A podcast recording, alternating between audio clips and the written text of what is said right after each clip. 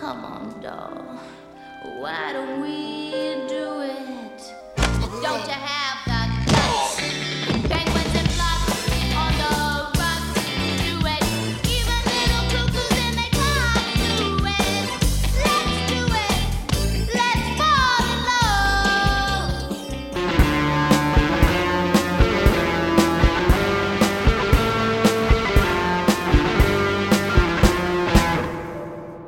Hej och välkomna till Demonpodden! Podden där vi nu för tiden talar om kvinnliga filmskapare och vad de har hittat på. Jag heter Kalle Färm och eh, med mig som vanligt har jag Björn Waller. Hallå? Ingen Aron den här veckan. Han hade en massa annat för sig, men vi har lyckats ersätta honom med två ytterst kompetenta gäster. Rickard Söderlund. Hej, jag heter också Kalle Färm. Hej! Hej! Tillbaka från våra av Bergman-avsnitt om fängelse och persona. Och så en helt ny gäst! Elinor Svensson, välkommen! Hej, tack! Kul att ha dig med! Vi har ju känt dig länge och inte minst pratat en hel del Buffy med dig genom åren. Så det var kul att ha med dig och särskilt kul att ha med dig just på det här avsnittet. Känner du för en kort, gör en kort presentation av vem du är och varför du känner för att vara med höll jag på att säga. Ja, men jag brukar beskriva mig själv som en eh, rabiat feminist, vegan, rockstjärna och tvåbarnsmorsa. Nog så gott. Mm. Du då Rickard, har tillräckligt mycket förändrats för dig att vi behöver uppdatera presentationen från Persona-dagarna? jag vet inte, kan man lägga till arg och facklig numera? Men det... En uppdatering nog så god för 2020. Vi är här ikväll för att tala om två filmer om supertjejer. Nämligen Rachel Talalays Tank Girl från 1995 och Fran Kosuis Buffy the Vampire Slayer från 1992. Och ni som är trogna lyssnare av podden vet ju att jag, Aron och Björn brukar ta varje chans vi får att referera tv-serien Buffy the Vampire Slayer. Ja, i stort sett var, någon gång i varje avsnitt. Vi kommer säkert lite in på varför det är på det viset när vi väl diskuterar den filmen. Men jag tänkte att vi kanske ska börja i den andra änden och prata lite om Tank Girl. En film som väl egentligen främst skulle jag vilja säga vi gör ett avsnitt om därför att Rickard under de 15 år jag har känt honom inte har velat hålla käften om den. Och, och han har även demonstrerat vilken perfekt nyårsdagsbakfyllefilm det är. Så ja. Alltså, visst, jag såg den fel dag alltså. Är det ja. Ja, vi måste ju för lägga upp det här så att det blir, blir något för lyssnarna att lyssna på när de ligger bakfulla. Jag tror det blir bakfulla efter juldagen, inte efter nyårsdagen. Men bakfulla likväl. Så Rickard, vi kanske börjar där. Va- varför Tank Girl, höll jag på att säga. Vad är din historia med Tank Girl? För du är den person jag känner som har mest historia med Tank Girl. Ja, min historia med Tanker är väl att långt, långt, långt innan jag någonsin läste serietidningen så var jag sjuk och i mellanstadiet och fick en hyrfilm från Statoil hemma i eh, obygden. Och av en händelse då blev det Tank Som jag sen såg om gissningsvis sex eller sju gånger på de 24 timmarna man fick eh, ha hyrfilmerna hemma. Och har sedan dess tagit varje tillfälle i akt att se den nästan. Mm. Och nu får du lite chans att snacka om den också. Ja, det är helt fantastiskt. Den har ett soundtrack som är grymt. Den har skådespelarinsatser som eh, är underskattade. Alltså, jag, kan bara, jag kan bara hålla med. Tre minuter in i filmen så tänkte jag, jag älskar den här filmen. Mm. Det börjar ju liksom med den här gamla Devo-låten. Eh, och, ja, men alltså, all, tre minuter, sen så var jag såld. Jag hade lite samma upplevelse måste jag säga. Jag Mm. hade sett den någon gång förut. Det var en av alla filmer som repeterades oändligt på TV1000. Vilket ibland får mig undra lite grann om jag faktiskt hade någonsin sett den från början till slut. Jag mindes i stort sett bara de här liksom klippningarna till serietidningarna. Känguru-mutanterna, vi kommer dit. Och det stora musikalnumret. Det var i stort sett alla minnen jag hade kvar av den. För jag hade fan inte sett den det här årtusendet. Så det var superkul att återvända till den. Det finns inte så många filmer där man kan nämna ordet kängurumutanterna som är punkt två av tre. Ja, precis. Det, Nej, jag, jag älskar ju 90-talet överlag. Liksom. Hela, min, hela min musikstil och allting är liksom 90-tal. Så det här var ju right up my alley. Men vad härligt att höra. Ja. Hur är det för dig Björn? Har du någon historia med Tankgirl? Inte mer än att jag såg den någon gång på 90-talet och har väl sett om den ett par gånger sedan dess. Senast hemma hos Rickard någon nyårsdag för några år sedan. Vi, vi kommer väl in lite grann mer på vad jag tycker om den. Jag är inte, jag är inte odelat förtjust i den men det finns saker jag verkligen älskar med den. Det är bra. Debatt och diskussion i podden. Eh, Saker, man måste få klanka på saker man älskar, så är det. Absolut. Men eh, vi börjar väl i den här ändan då. Tankgirl är regisserad av Rachel Talalay. Det är därför den får vara med i den här podden. För hon är en kvinnlig filmskapare. Och hon är en kvinnlig filmskapare som jag bara sett en annan film av. Nämligen hennes regidebut. Som är den sjätte Terror på Elm Street-filmen. Som också Vilken är... av dem är det? Fred is dead, the final nightmare. Aha, Det, men det den vill är säga, rätt det, okej. Nej, det är den inte. Nähä. kanske en av de konstigaste. Alltså jäm, jämfört Det- med alla Freddy-filmerna så jag vet inte. Är det den som Men kommer det- efter som är okej? Ja, precis. Det, det var ju efter det som eh, Wes Craven då jo, Mm, kom tillbaka och gjorde Wes Cravens Final, eller Wes Ja, ja. Cravens Nightmare eller vad den heter. Som, Mm. som faktiskt är riktigt bra. Men Freddy's Dead var ju tänkt att vara den absolut sista filmen i franchiset. Det var väl många som hade önskat att, satt ungefär halvvägs in och önskat att den inte ens hade varit det. Mm. Jag såg om den här om kvällen och den är verkligen inte bra. Vi ska väl inte snacka allt för mycket skit för hon har ju faktiskt gjort annat också. Efter att Tank Girl fullständigt bombade på biograferna. Det här är ju en sån här riktigt sägenomspunnen film. Dels för att studion la sig i precis allting och sen, så, och sen när det visade sig att alla deras beslut var urusla och ingen ville se filmen så fick ju naturligtvis regissören och huvudrollsinnehavaren skulden. Så sen dess har hon mest jobbat på tv och har ju fått ihop en fantastisk meritlista. Eller hur? Bara sitta och kolla här. Ally McBeal, The Dead Zone, Doctor Who.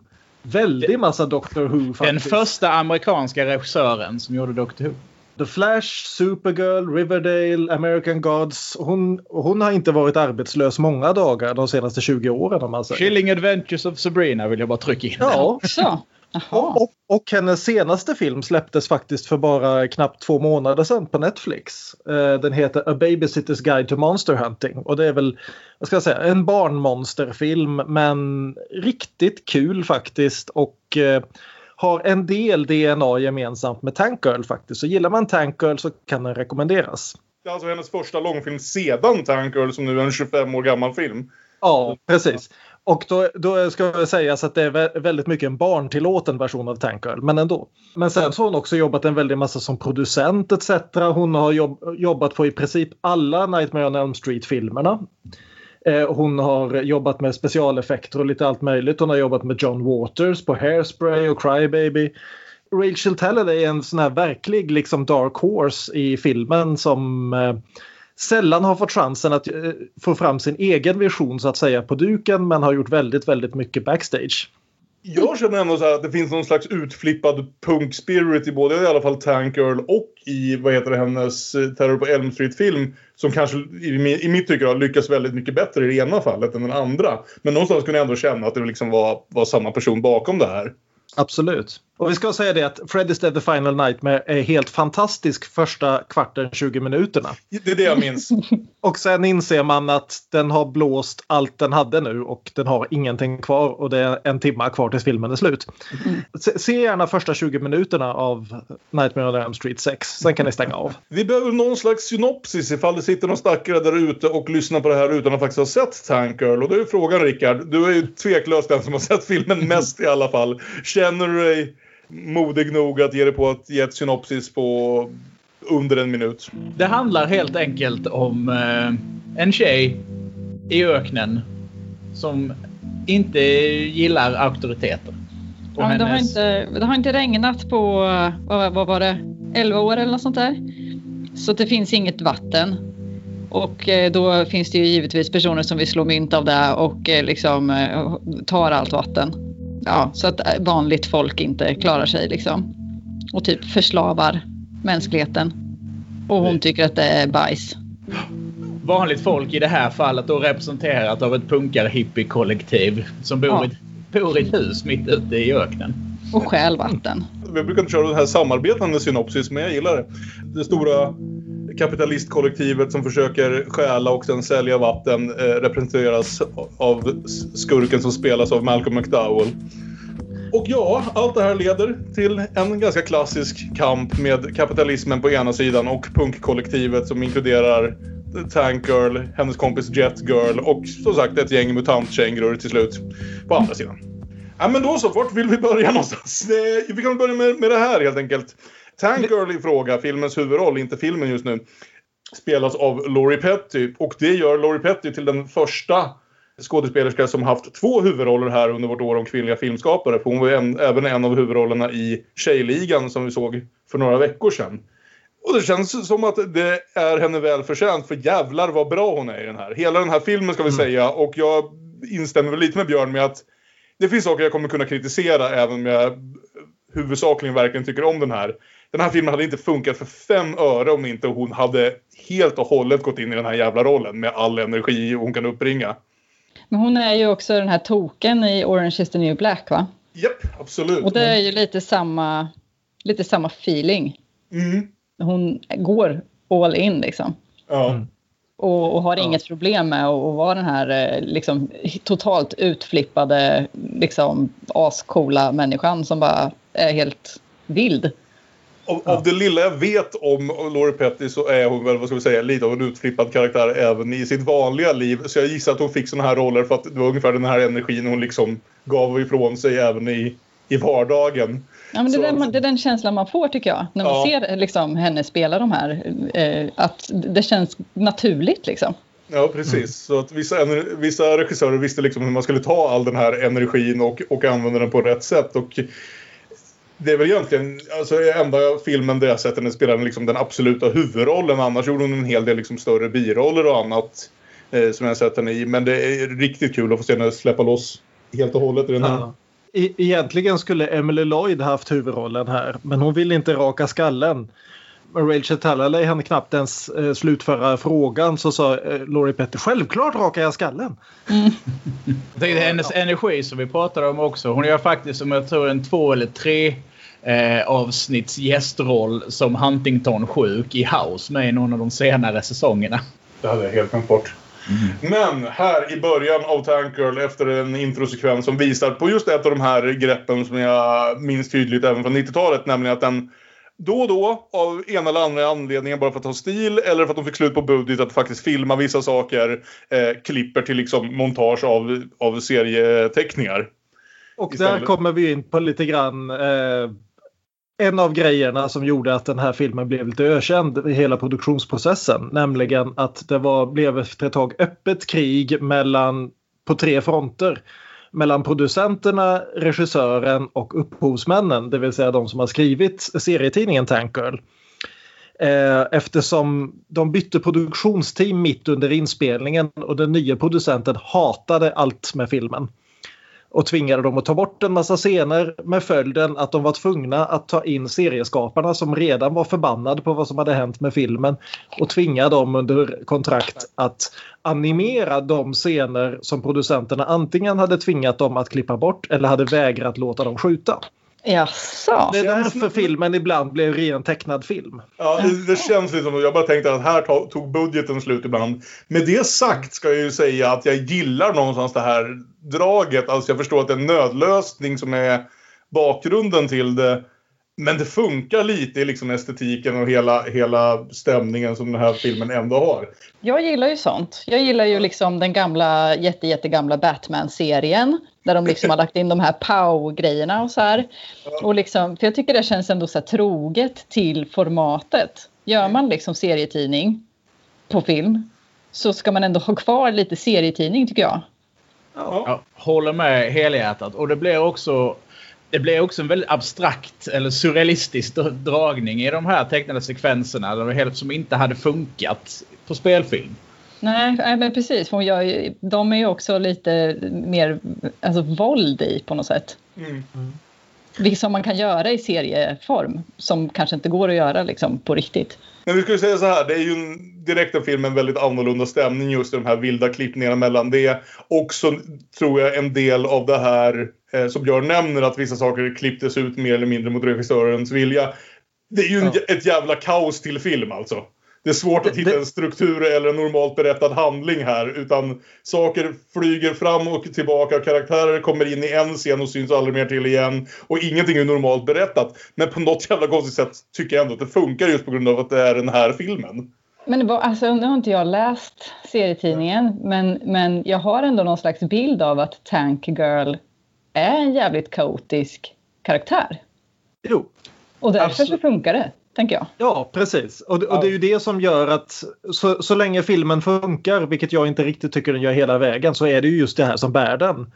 Att filmen är ju i princip eh, Mad Max Fury Road i 90-talsversion.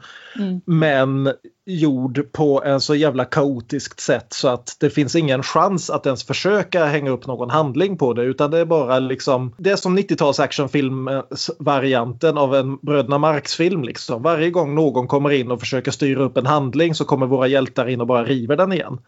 Alltså, Det- och, ska vi säga gjort i en ton som gör att det är ju nästan ännu mer än en actionfilm är det ju nästan en rak komedi. Alltså det var flera Ja. gånger jag satt och tänkte på de här liksom Zucker Abrams-filmerna, inte minst Top Secret. I att den har den här strukturen som den någonstans sen mer eller mindre hänger upp olika roliga kaosartade komedisketcher på liksom. Ja, och, och vi, vi kan ju nämna kort också när vi snackar hur mycket den ser ut som en tecknad film att eh, produktionsdesignen här skulle ju gå vidare och göra lite filmer själv också. Det är ju Catherine Hardwick. Just- Så, så utan den här filmen, ingen Twilight. Ja, jag vet inte om det var något positivt i och för sig, men Vill ni veta något mer utan den här filmen? Det var ju fler som eh, ställde upp och kom på auditions. Tre av dem tröttnade så mycket, åtminstone enligt Rachel Talalay, att de sa vad fan, vi startar ett band istället. Det var alltså Spice Girls. nej. Åh, jag vill veta vem av dem, vilka roller de har. Nej, de, de auditionade allihopa för Tank Girl. Jag kollar här. Baby Spice, Jerry och eh, Victoria Beckham. Men vadå, är detta sant? Japp. Ja, Jag trodde det var ett skämt. Åh herregud. Va? Tänk dig Emma Bunton skrika papaya och skjuta pilbåge.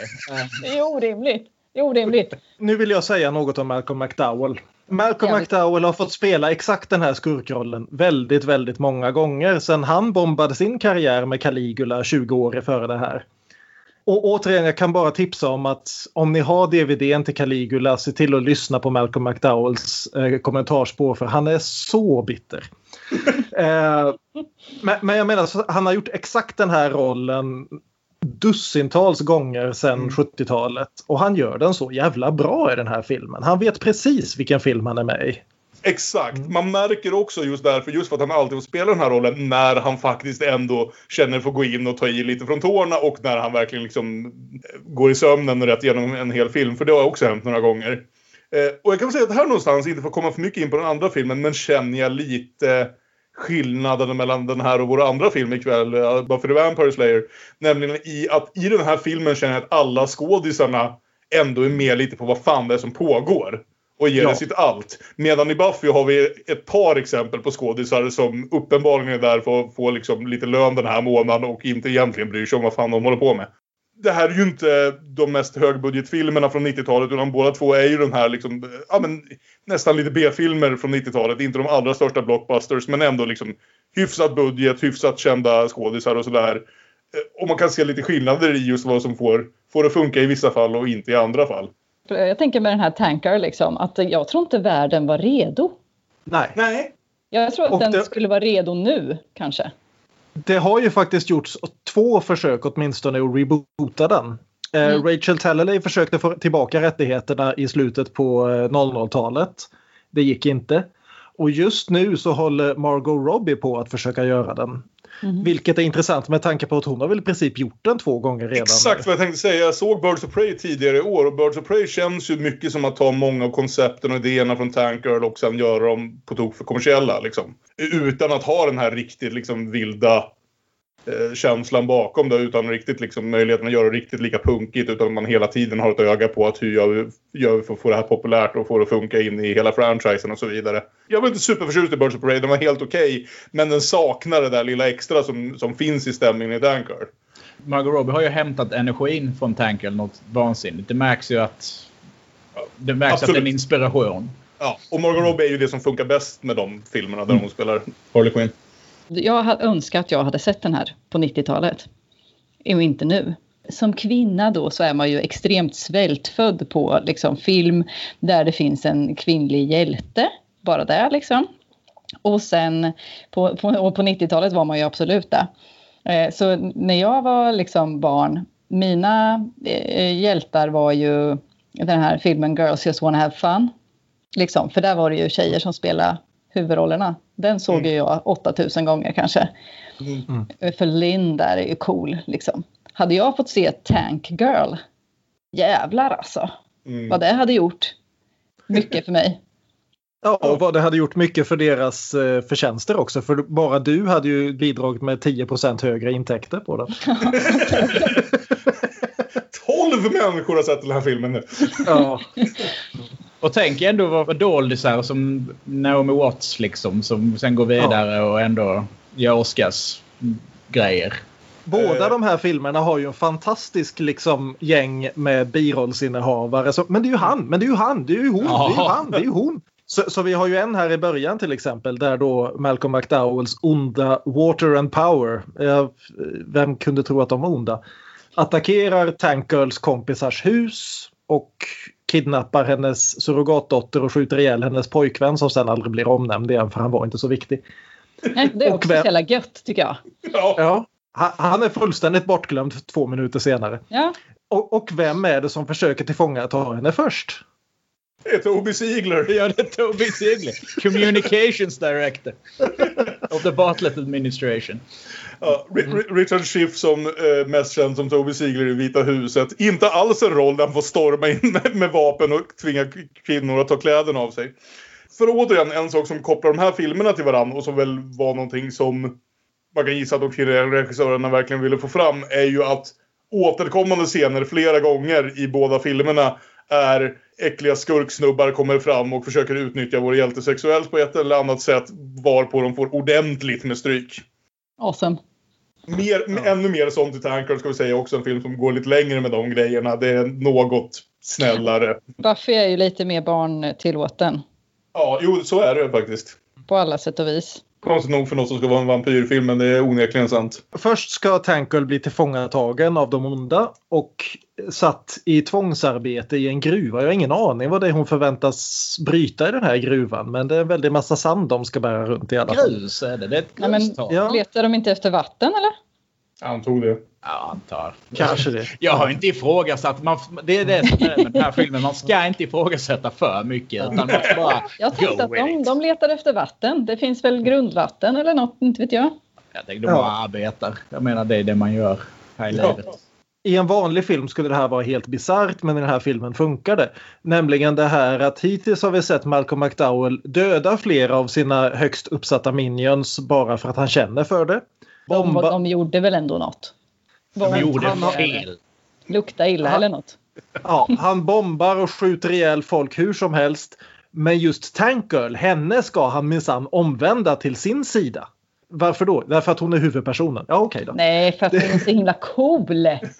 Ja, Exakt. Det- Alltså hon skulle ju vara svinbra att ha på sin sida för hon har ju liksom inga gränser. Hon skulle ju bli världens bästa soldat liksom. För att hon är ju helt tokig. det, det fanns tydligen en scen här, återigen apropå de här producenterna, eh, där han då torterar henne genom att stänga in henne i, i ett, en frysbox. Mm. Eh, och det här tog flera dagar att filma och Laurie Petty var en trooper och liksom var sminkad till köldskador i flera dagar i sträck och alltihopa. Och sen fick den nya producenten se det och sa ja men nu ser hon ju inte sexig ut, klipp den där scenen. Nej men det är det som är poängen, hon blir torterad, hon står emot. Ja men jag vill inte knulla henne, ta bort den där scenen. Måste väl ändå se snygg ut liksom. Hallå? Ja, så jävla dumt. Ja, Mm. Här stöter hon i alla fall på Naomi Watts då. Spelar Jet Girl. Fast mer omnämnd som bara Jet i filmen. Men helt enkelt Tank Girl. Och hon gillar stridsvagnar. Jet Girl. Ni kan gissa vad hon gillar. Jätter. De träffas ju på ett ganska schysst sätt också om man tänker att det här är liksom ändå 90-tal. Någon försöker hångla upp eh, Jet Girl och Tank Girl går emellan och bara "Öh, hångla inte med min flickvän typ. Och den här repliken efteråt då eh, när eh, Jet Girl säger Oh it worked. Och Tank Girl svarar What worked? Ja, det är ju svinbra. det var hur jäkla kul som helst att komma tillbaka till den här. Jag hade liksom bara hört om den från entusiastiskt från Rickard, men sen läst en hel del av de här andra historierna. Och hade någon slags minne av det som en ganska rörig film från 90-talet när man var lite mer upphängd på struktur och sånt för att fastna i filmer. Så jag var så jävla positivt överraskad över hur mycket jag älskade den här för. Som sagt, Laurie Petty knyter samman hela den här säcken. Jag kan strunta i hur rörig den är och allting är bara liksom kul. Det är en sån vild energi. Den hade ju passat typ... Vi hade ju ett avsnitt om punkfilmer för bara några veckor sedan. Den hade ju kanske kunnat passa in där också liksom.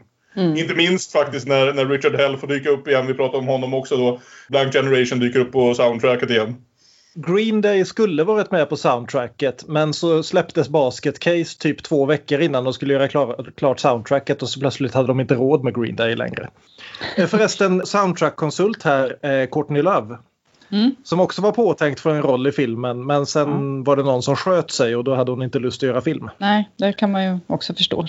Men överhuvudtaget när- man, när man tittar på Laurie Petty i den här filmen och man tänker vad hon har dragit inspiration för så tänker jag dels ett på Courtney Love och dels två på att det här är ett par år innan hon jobbar med Madonna. Och inte minst i musi- musikalscenen som vi kommer till ganska snart känner jag att Madonna-influensen är ganska stora och Mm. uppenbara. Och det Ja, men det finns ju liksom flera saker man måste älska med den här filmen. Det är ju delvis alla frisyr och klädbyten som sker. Och sen är det ju musiken. Ja, men det blir den här punkiga andan liksom. Mm. Tycker jag. Eh, Vi har Joan Jett, vi har L7. Alltså vi, Mm. har, ja, vi har ju Hole själva är ju med. Och som sagt, Mhm. Richard Hell. Ja, så jävla bra soundtrack. Ja. Själva filmmusiken består till typ 80% av gammal Black Sabbath-riff de har snott och spelar lite Ja. mer 90-talsmetal. Men... Ja, men jag, jag, jag gillade att det inte var så mycket liksom score utan att det var liksom riktiga låtar. Det tycker jag var kul. När det är ett score så är det i princip bara riffet från det är väl Supernaut va? Lock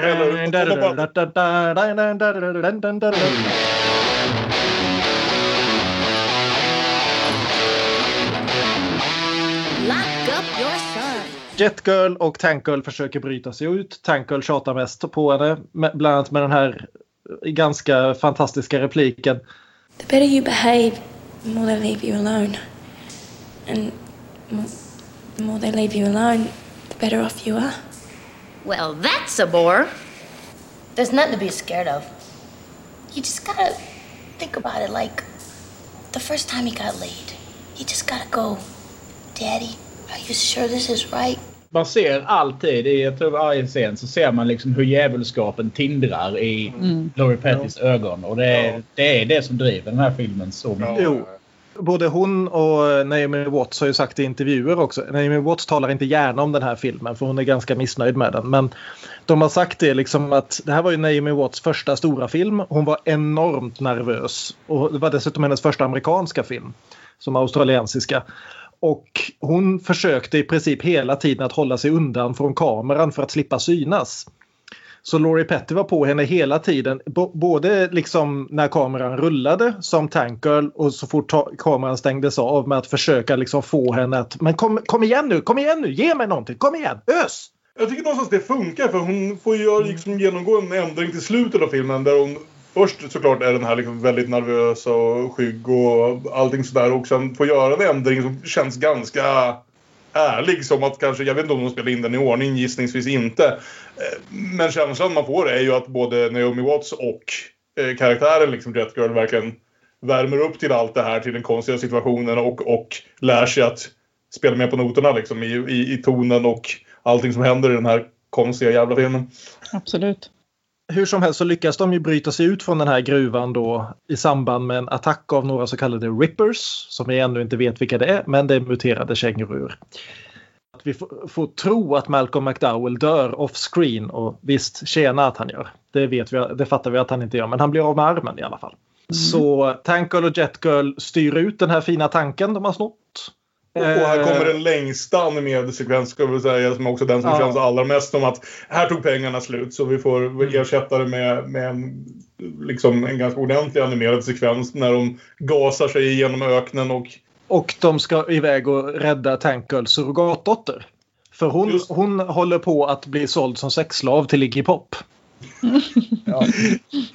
Ärligt talat, här någonstans märker man att den har inte liksom byggt upp handlingen som en vanlig film skulle göra. Och det saknas lite bitar här och där. För allt, alla vändningarna i hela den här delen av filmen händer så jävla snabbt att det är liksom...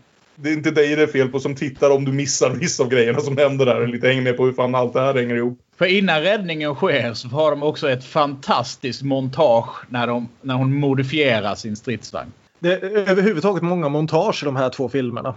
Det, det, det, är alltså ledigt åtminstone sammanlagt 20 minuter bara montage på de här två filmerna som båda två är knappt 90 minuter. Återigen apropå det här eh, kvinnliga filmskapare och så vidare. Det är inte de som räddar den här lilltjejen från Iggy utan hon, hon räddar sig själv. Mm. Det är först efter att hon liksom har lagt en handgranat i hans händer som Tank Girl dyker upp. Ja men där är du ju, kom så går vi. Man tänker på Men- en sån här sak där, där en annan film hade gjort en hel liksom, set piece av att försöka rädda den här lilla tjejen och kanske till och med ha någon plan eller någonting annat. Men hon mer eller mindre klär ut sig, går in och hämtar henne och sen på vägen ut passar på att få ett musikalnummer. Ja, men jag, jag tänker liksom också det här när hon håller på att klä ut sig då. Eh, det är ju en ganska lång scen Mm. också. När hon liksom river runt i den där garderoben och testar massor med olika outfits och allting så här. Det tycker jag också så här, det sätter karaktär så himla mycket. Att det är liksom, ah, oh, hitta en, en askul garderob. Fan vad roligt. Nu vill jag greja lite med den. Och liksom skiter fullständigt i vad hon är där för att göra egentligen. Utan bara så här, woho, Ja, let's go crazy med alla kläder. Fan vad kul. Och sen, ah just det, nu, just det, ska hämta den där tjejen med ja, just det. Ja men jag borde göra det nu då. Ingenting är någonsin så bråttom eller dramatiskt i den här filmen att det inte finns liksom, tid för, för ett gag eller ett montage eller som sagt ett musikalnummer. Det trevliga med det här montaget när hon faktiskt rensar runt i garderoben är att hon också totalt ignorerar instruktionerna som ska göra som att hon ser ut som alla andra eh, av de här prostituerade som Ja. finns runt i det här... Eh, jag vet inte vad det ska föreställa, det här liksom badhuset.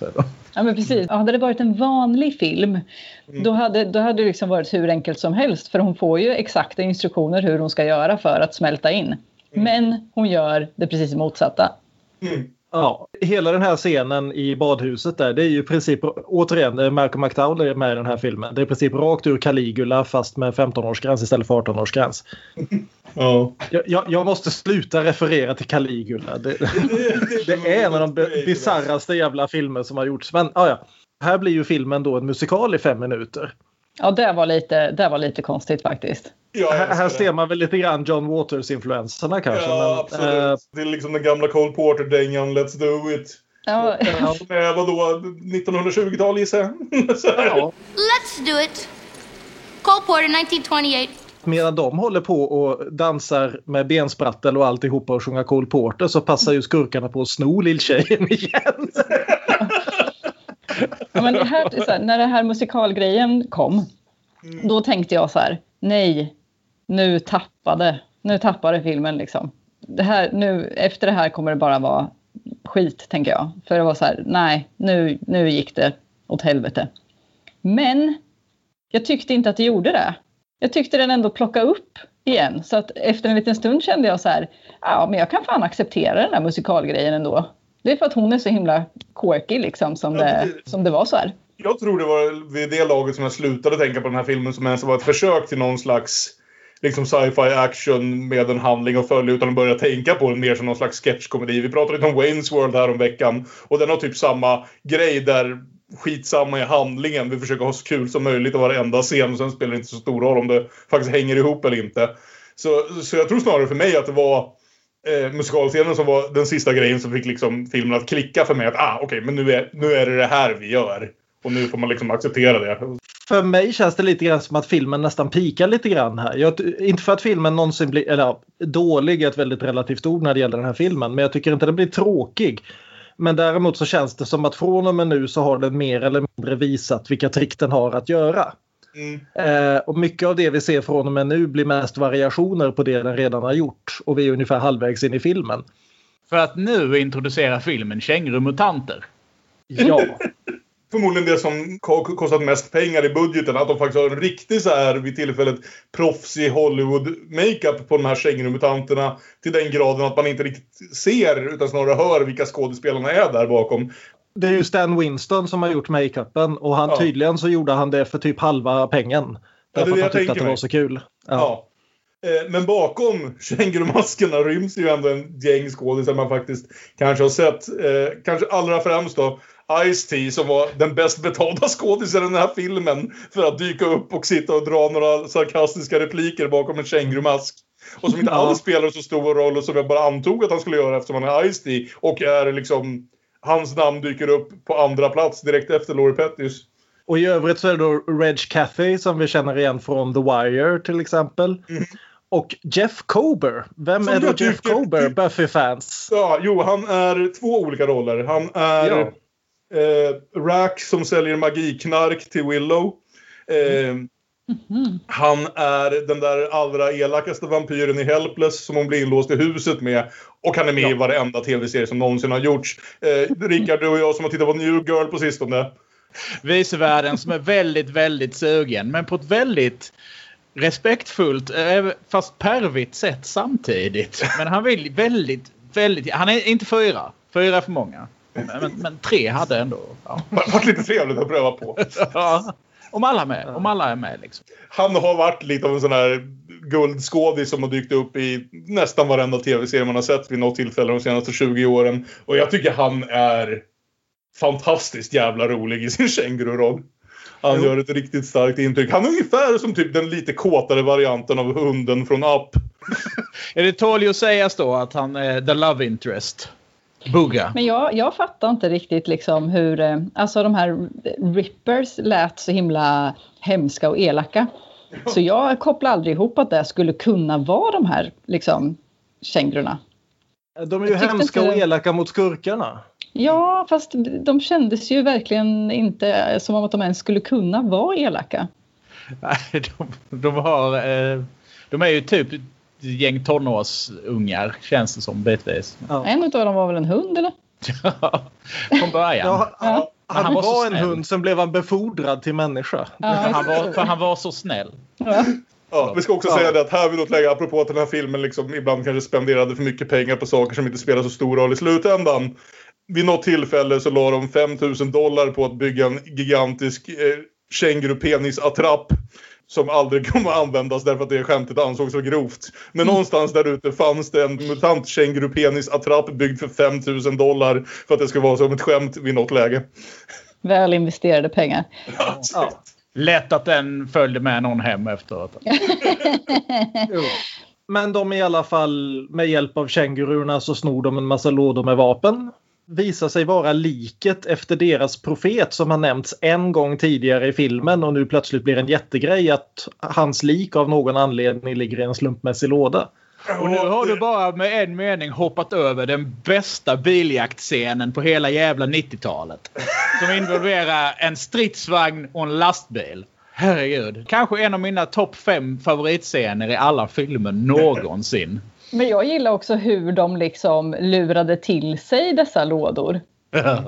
Alltså att de körde hela fotomodellsgrejen liksom. Och bara, men de är män, de kommer, liksom, de kommer gå på vad som helst typ. There's no magic, there's no sparkle, there's no je ne sais quoi. Ett citat som jag fortfarande... Senast, jag tror jag skrek det på jobbet förra veckan. Att there's no glitter, there's no sparkle, there's no je ne sais quoi. Så bara det att de går in där och, och liksom slänger komplimanger. Och att Jet liksom förlorar sig i det där också och, och slutar fota lådor och börjar fota dem istället. Ja, precis. Det finns också en dansscen här där en av kängururna juckar väldigt hårt på Naomi Watts så det är väl väldigt oklart om det är Jet eller Naomi Watts som ser väldigt obekväm ut i den scenen. Och sen så kommer vi till avslutningen som är ungefär som avslutningarna i actionfilmer eh, av den här budgeten brukar se ut. Det är ett warehouse någonstans. Det börjar skjutas en massa i bakgrunden och huvudskurken och huvudhjälten får en chans att slåss mot varann. Malcolm McDowell har ju inte längre någon hand och han har, visade sig, inte heller något huvud. Nej. Nej, längre. utan ar armen är en robotarm och huvudet är ett hologram. Ja. Och jag, tycker jag tycker det är en helt okej sån scen, men det var också den delen av filmen som kändes mest som att ja, men det här har jag ta mig fan. Visst, det brukar inte vara riktigt så här många mutant-kängurus i, i de här scenerna, men i övrigt har jag sett ungefär den här scenen ett antal gånger. Och det här är en helt okej sån. Det är inte som att det sabbar filmen Ja. på något sätt. Men, men det är inte heller den bästa biten. Sen och kombinationen att döda skurken med en stridsvagn, en ölburk och en spann vatten. Ja, är ändå lite unikt. Ja, det är lite unikt faktiskt. det är sant. det jo, i och för sig, när hon får slut på stridsvagnsammunition och börjar skjuta ölburkar med stridsvagnen. Det kunde jag gå med på. Hate Och, och vi har ju också det här då att eh, Malcolm McDowells stora grej som gör att han inte bara kan ha ihjäl henne är att han måste ju få henne att erkänna att han vann och hon vägrar gå med på det. Och det finns ju en gammal stolt tradition av superskurkar baserade på Donald Trump men i det här fallet var de ju ute i väldigt god tid får man ju säga. Say it, say it. Just say, I won. I won. No! No! Say, I won. I won! Ja, så jävla bra film alltså. Ja, ärligt talat. Vilken jävla höjdare. Finns den här filmen att köpa någonstans? För jag måste äga den.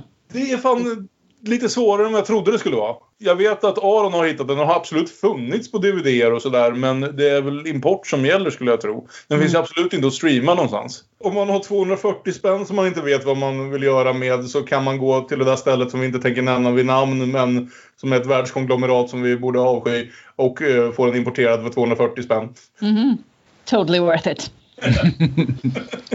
Nej, fy fan, det är för jävligt alltså. Beröva mänskligheten detta. Jag vill att alla som vill ha den här filmen bör få, få Ja, den. visst är det så. Eller alla som, även alla som inte vill ha den bör få den. Ja, lite. Bara som så här required reading liksom. Ja, jag tycker det. Det borde som är i kanon. Man säger. Glatt överraskad och jag, hela den här fuck you-attityden liksom, som bara genomsyrar hela filmen är ju verkligen min grej alltså. Det är skönt att höra att det Ja. fortfarande kan uppskattas så här många år senare. Vi vet att Oscar alltid har eh, undvikit raka komedier i nästan alla kategorier. För annars ta mig fan Laurie Petty. Mm. 1995 var inte ett så jäkla starkt år. Hon hade kunnat få plats där tycker jag. Nej men det är som, som jag sa mest att jag, jag älskar första halvtimmen, 40 minuterna av filmen. Men sen så känns det lite grann som att lyssna på en 90 minuter lång punkskiva. Liksom. De bästa punkskivorna är 35 minuter. Det känns som att man har hört riffen, man har, man har liksom hört skriken, man har liksom sett alltihopa nu. Det är fortfarande underhållande hela vägen men det börjar gå lite grann på tomgång någonstans i höjd med att de springer ihop med känguruerna. Och sen att den här stora actionscenen på slutet är så pass liksom kliché 1A förutom Laurie Petty just då. Som gör att jag, jag tycker den tappar väldigt mycket fart under andra halvan. Det finns fortfarande en del väldigt bra saker där men det, jag älskar den inte på samma sätt som jag gör första 40 minuterna. Det är Sandinista, inte London Calling. Lite för många dubbtolvor där. Och det är fullt berättigad kritik någonstans. Det är det Mm. att själv har jag den genom de här nostalgitintade glasögonen. Mm. Och bryr mig inte så mycket heller. Nej, nej exakt. Jag, du måste säga det. Ju mer vi diskuterar filmer i den här podden så finns det en sån jävla utrymme i filmkritik eller filmdiskussion för det här. Jag observerar de här problemen med den här saken. Jag bryr mig heller inte. Jag kan ju säga så pass mycket som att eh, nu när vi inte får se Dennis Villeneuves Dune säkert inte före 2032 eller någonting sånt som det ser ut just nu. Så kan man ju absolut se Tank Girl istället för den kommer garanterat att vara, den handlar om ungefär samma saker och den är garanterat roligare. Absolut, men med det sagt om det kanske vi ska gå vidare till veckans andra film. Fran Kusuis Buffy the Vampire Slayer. Som vi kanske väl direkt liksom hoppar in på den större diskussionen. Förmodligen mest känd nu för tiden för att vara liksom startpunkten för den betydligt mer berömda tv-serien med Sarah Michelle Gellar som gick från 1997 till 2003. Och som just nu visas på TV6.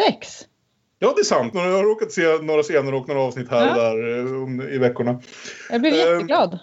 Vi ska ju säga så här, som ni märker och som ni märkt om ni har lyssnat på den här podden noggrant i några år nu. Eh, Buffy the Vampire Slayer är en stor del till att vi allihopa ens liksom känner varandra och hänger ihop och är för mig den viktigaste, liksom, the- the most important piece of media in my life. I hela mitt liv hade varit ett annat liv om det inte var för Buffy och därför har jag väldigt svårt att liksom se den med någon form av objektiva eller kritiska ögon utan det är bara liksom kärlek för mig och den serien den gjorde allting bättre för mig personligen. Inklusive att jag lärde känna alla de här trevliga människorna via buffyforum.se. Finns fortfarande Ja. där ute. Tänk om någon kunde få bli en ny medlem. Det var ta mig fan internets hetaste forum år 2006. Om det är något där allas åsikter verkade gå isär, på, även på ett forum som liksom verkligen var uppbyggt för att handla om hur mycket vi tyckte om uh, Buffy the Vampire Slayer tv-serien. Så var det just åsikter kring liksom, filmen som startade hela grejen.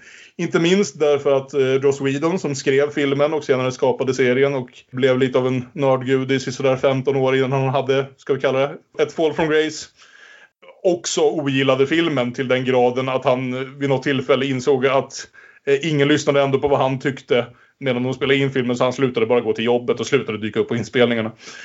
Vi- Vilket väl ärligt talat inte är sådär väldigt ovanlig erfarenhet för någon som har sålt sitt första manus. Nej. Men det, det är bara inte alla manusförfattare som fortfarande gnäller om det 20 år senare. Exakt så.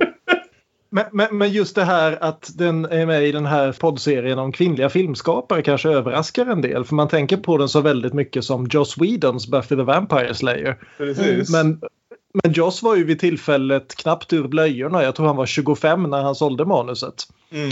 Och så han fick ju naturligtvis inte en chans att regissera den. Han hade ju inte regisserat ett dugg. Han han hade ett par manus till avsnitt av Roseanne bakom sig och det var i stort sett det det handlade om. Innan Alltså liksom skrev Roseanne dyker upp överallt. Det är inte klokt. Hon var med i punkavsnittet. Hon är med i Nightmare on Elm Street 6. Japp. Som vi diskuterade alldeles nyss. Och nu dyker hon upp här igen. Men så det som hände var i alla fall att han lyckades sälja in det här manuset till ett produktionsbolag. Bland annat då understött av Dolly Partons produktionsbolag. Och eh, det hamnade då till slut hos makarna Kusui. Kaz och Fran. Och Fran hade gjort sin debutfilm eh, Tokyo Pop några år tidigare och var nu på jakt efter ett, eh, ett uppföljningsprojekt. Och Buffy the Vampire Slayer blev då hennes stora hit och också till dags dato hennes absolut sista långfilm. Ja, precis. De har sedan dess mest ägnat sig åt att kassera checkarna som de har tjänat på alla Buffy-media överhuvudtaget sedan den här filmen. De fick betalt för vartenda avsnitt av tv-serien utan att ha någonting att göra med den. Det var det jag tänkte säga. För de första två namnen som dyker upp varje gång sluttexterna börjar på ett Buffy-avsnitt eller ett avsnitt av Spin-offen Angel är eh, Frank Kusui och Cass Kusui. Och så vitt jag vet jobbade ingen av dem en enda dag på någon av serierna. Nej. Nej. Eh, samma, samma sak med tv-serier och Funko Pops och alltihopa. De har fått en del av kakan på allt det där. Så de har väl egentligen haft det rätt bra. De har, på senare år har jag sett så har de mest ägnat sig åt att importera South Park till Japan. Men som sagt, eh, Frank Kusui hade ju då fått lite eh, uppmärksamhet för sin debut från 1988 Tokyo Pop. Och den såg jag häromdagen. Vill ni veta vad jag tyckte om den? Ja, tack. Väldigt gärna. Om den tyckte jag inte. Nej, men det, det... Som sagt, vi har ju valt ut de här två filmerna specifikt. De allra flesta filmer har ju varit filmer som vi inte har sett tidigare själva. De här två filmerna är ju två filmer vi har ett komplicerat kärlek eller hatkärleksförhållande till. Japp. Så syftet med det här är ju inte att lyfta fram en dålig kvinnlig filmskapare och peka på henne och säga hö hö. Men i just fallet Frank Kusui så har jag väldigt svårt utifrån de här två filmerna att se speciellt mycket talang överhuvudtaget måste jag säga. Debutfilmen, det, det, det är alltså i princip Lost in translation i 80-talets New Wave-värld. Det låter ju ändå i och för sig vagt intressant. En eh, så- sångerska som är trött på att bara få stå och doa bakom upp, självupptagna, självutnämnda manliga genier och bestämmer sig för att om jag drar till Japan så blir jag superstjärna direkt eftersom jag kan sjunga på engelska. Och det visar sig vara rätt komplicerat. Och det, det är en jättebra idé och alltihopa. Och manuset som hon har skrivit är, det är inte bortom all räddning direkt även om man kan tycka att det borde finnas lite mera sting i det. Men just som regissör det är liksom, hon är en sån här som, ja men vad sägs om att vi slår på en kamera? Jaha. Ska vi göra någonting speciellt framför kameran? Ja, här är replikerna som jag har fått. Jaha, och är jag glad? Är jag ledsen? Är det bråttom? Är det, eh, jag vet inte. Det är så man gör film. Ja. Så eh, Tokyo Pop har sina charmiga ögonblick men är väl inte speciellt mycket att hänga i granen egentligen. Vad fan är Buffy the Vampire Slayer nu då? För de stackare som har suttit där och lyssnat på det här och ännu inte liksom är medvetna om vare sig filmen eller tv-serien. Mycket möjligen, kanske förutom att just ha hört titeln här och där och inte minst i den här podden. Vem vågar sig på ett synopsis? Det är ju inte det mest komplicerade synopsiset men det känns också som Något som man är så van vid att det är nästan svårt att liksom beskriva det för någon som aldrig hört talas om saken. Vi borde nästan kunna köra den i unison va? In every generation, there is a chosen one. She alone will stand against the vampires, the demons, and the forces of darkness. She is the Slayer. Det handlar om en eh, eh, tjej i high school som heter Buffy. Hon tillhör det coola gänget, är liksom ledare för det coola gänget. Ganska urblåst, eh, ytlig eh, cheerleader. Helt plötsligt så dyker det upp en läskig gubbe som är asgammal och, och liksom brun. Alltså brunklädd. Han är liksom, hela han är beige. Vilket då Hans kläder är bruna ska vi Ja, säga. precis. Ja, här, personlighet är också brun liksom på något sätt. Alltså så här, beige. Han är i princip den, den, den beige mannen från macken. Ja. Ja men precis, och som skär sig då jättemycket från hennes färgglada, puffiga eh, personlighet liksom och så här. Och han berättar för henne att hon är utvald till att eh, slåss mot vampyrer. Och eh, hon tycker ju såklart att han är dum i huvudet. Sen visar det sig att han har ju rätt. Och hon har typ superkrafter för att slåss mot vampyrer. Men det finns en riktigt stark vampyr som hon knappt kan slåss emot. Och det är väl det filmen går ut på typ. Ja, mer eller mindre. Eh, liksom grundidén just det här som vi såg lite i Tank Girl, kom in lite på i Tank Girl, att de här blonda tjejerna som alltid blev mördade i varenda skräckfilm, vad skulle hända om de slogs tillbaka var ju liksom någonstans the high concept. Mm. För, för hela grejen, både för, för filmen och tv-serien. Och sen så gick det som det gick med filmen. Ungefär som det gjorde för Tank Girl på många sätt. Det blev en Ja. massa krångel med vem som ville klippa den hur mycket och sen så blev den lite av en kultfavorit i vissa läger men tjänade inte in särskilt många kronor. Den som många då skyller på är ju Donald Sutherland som spelar den beige mannen i fråga. Åtminstone enligt Joss Whedon. Så ansåg han att eftersom han var den enda stjärnan i filmen och som vi kommer att se så finns det många här som kommer att bli stjärnor men just här är de inte det.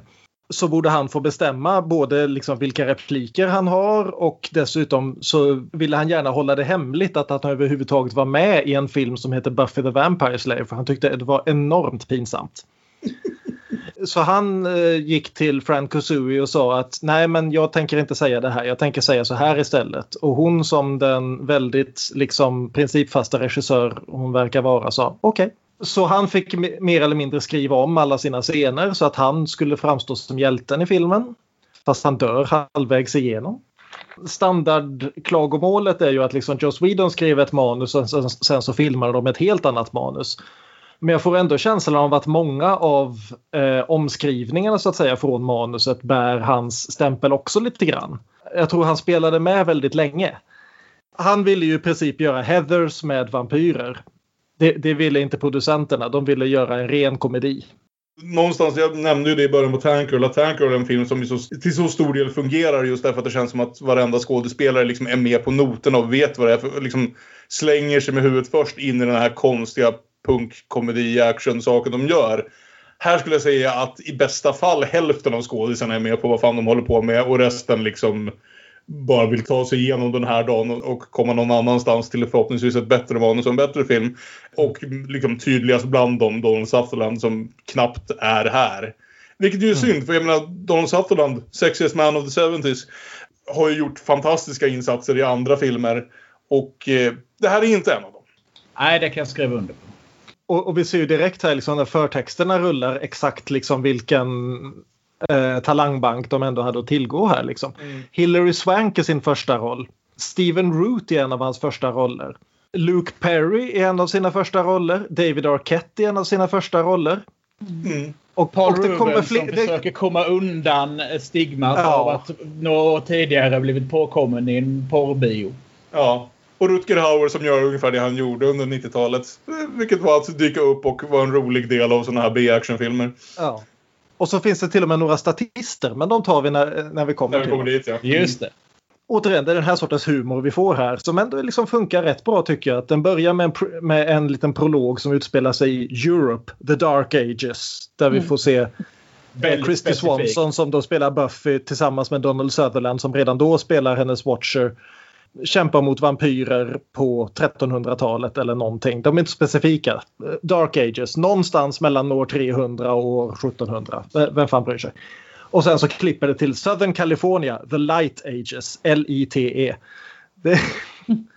ja, Det är nog fjärde gången jag ser den här filmen, men jag har alltid tidigare i stort sett sett den någonstans i liksom skenet av tv-serien och hur mycket jag tycker om den. Och den här gången gjorde jag liksom en conscious effort att försöka se den här filmen som hur den måste ha sett ut 1992 och försöka glömma bort tv-serien och hur den förhåller sig, eller inte, rättare sagt inte förhåller sig till den alls. Ja. Och då funkar den något bättre. Jag har, aldrig, jag har aldrig varit ett fan av den här filmen. Jag kritiserade den öppet när jag föreläste om Buffy på, på vad heter det, museet i Linköping för några år sedan. Jag hade lite mer kul med den den här gången måste jag ändå säga. Nu var det ändå ett tag sedan jag såg serien och jag hade lite lättare att liksom inte lägga in allt bagage och allt man vet om hur det här borde se ut därifrån. Jag såg Men du- filmen först samma här. eh, och såg den liksom när det begav sig. För mig har ju liksom kärleken till Buffy börjat med filmen. Det är himla kul att höra. Det, jag vet att det, liksom, det var ett gäng av oss som hängde där, där det var några som hade den historien. Och det var aldrig min historia. Jag hade sett, tror jag, hela serien innan jag någonsin såg filmen. Min bror lånade den av en kompis på VHS. Och den kompisen fick aldrig tillbaka sin film. Kan jag säga. Utan jag såg den och sen var den min. Nej, men, nej, men det var samma för mig. Jag såg den på VHS eller om den gick på typ TV3 eller någonting någon gång runt 93-94. Mm. Och tyckte den var skitkul. Och sen så några år senare fick jag höra talas om att det skulle vara en tv-serie. Jag lyckades på någon omväg få tag på en videokassett med första avsnittet. Bara första, eh, det är ju dubbelavsnitt första så jag fick bara det allra första. Så jag slutade med to be continued. Och tyckte men det här är ju inte alls som filmen. Det tog mig flera år att hitta tillbaka till tv-serien efter det. Och sen dess så har väl liksom åsikterna vänt sig 180 grader men jag har ändå liksom viss kärlek till den här filmen. Det är villkorad kärlek men det är en kärlek. Jag, tror man har en helt annan upplevelse av den om man såg den och tyckte om den. Vilket är mycket möjligt att jag hade gjort om jag någonsin hade sett den på 90-talet. Men nu var det aldrig så. Så jag kom liksom in i det från fel, från fel ända så att säga. Jag kom in i den och började direkt jämföra med liksom serien som jag redan älskade. Och vissa av de jämförelserna är ju roliga att göra bara för att se just vad som faktiskt ändå någonstans jobbar med samma idéer och samma grundkoncept och vad som de helt och hållet liksom vänder och vrider på och gör till någon konstig, bizarro variant av, av, av samma tankar. Jag måste säga mig, alltså, jag, för jag kommer ju in som någon form av mellanting här. Mm. Att jag såg trailern på typ Filmnet någon gång så här 93, 94. Och blev helt jävla kär i konceptet. Mm. Men såg aldrig filmen för jag fick inte tag i filmjävlen för jag bodde mitt ute i skogen. Eh, och sen så serien och så filmen samtidigt som jag såg serien. Och gillade visst filmen men jag tyckte ju mycket bättre om serien. Men så, återigen då, som, som kvinna så är man ju så otroligt svältfödd så man köper nog jävligt mycket. Mm. Eh, bara det är en liksom, stark kvinnlig karaktär som kickar ass liksom. Mm. Det, det är bra att du tog upp det för jag tänkte just ta upp en grej här som jag tänkte på nu när jag såg den här filmen igår. Det är ju väldigt mycket ändå i början här som känns igen från tv-serien. Vi får följa Buffy och hennes kompisar eller minions eller vad vi ska kalla dem när de går och shoppar och hänger på café och lite allt möjligt och snackar med den här.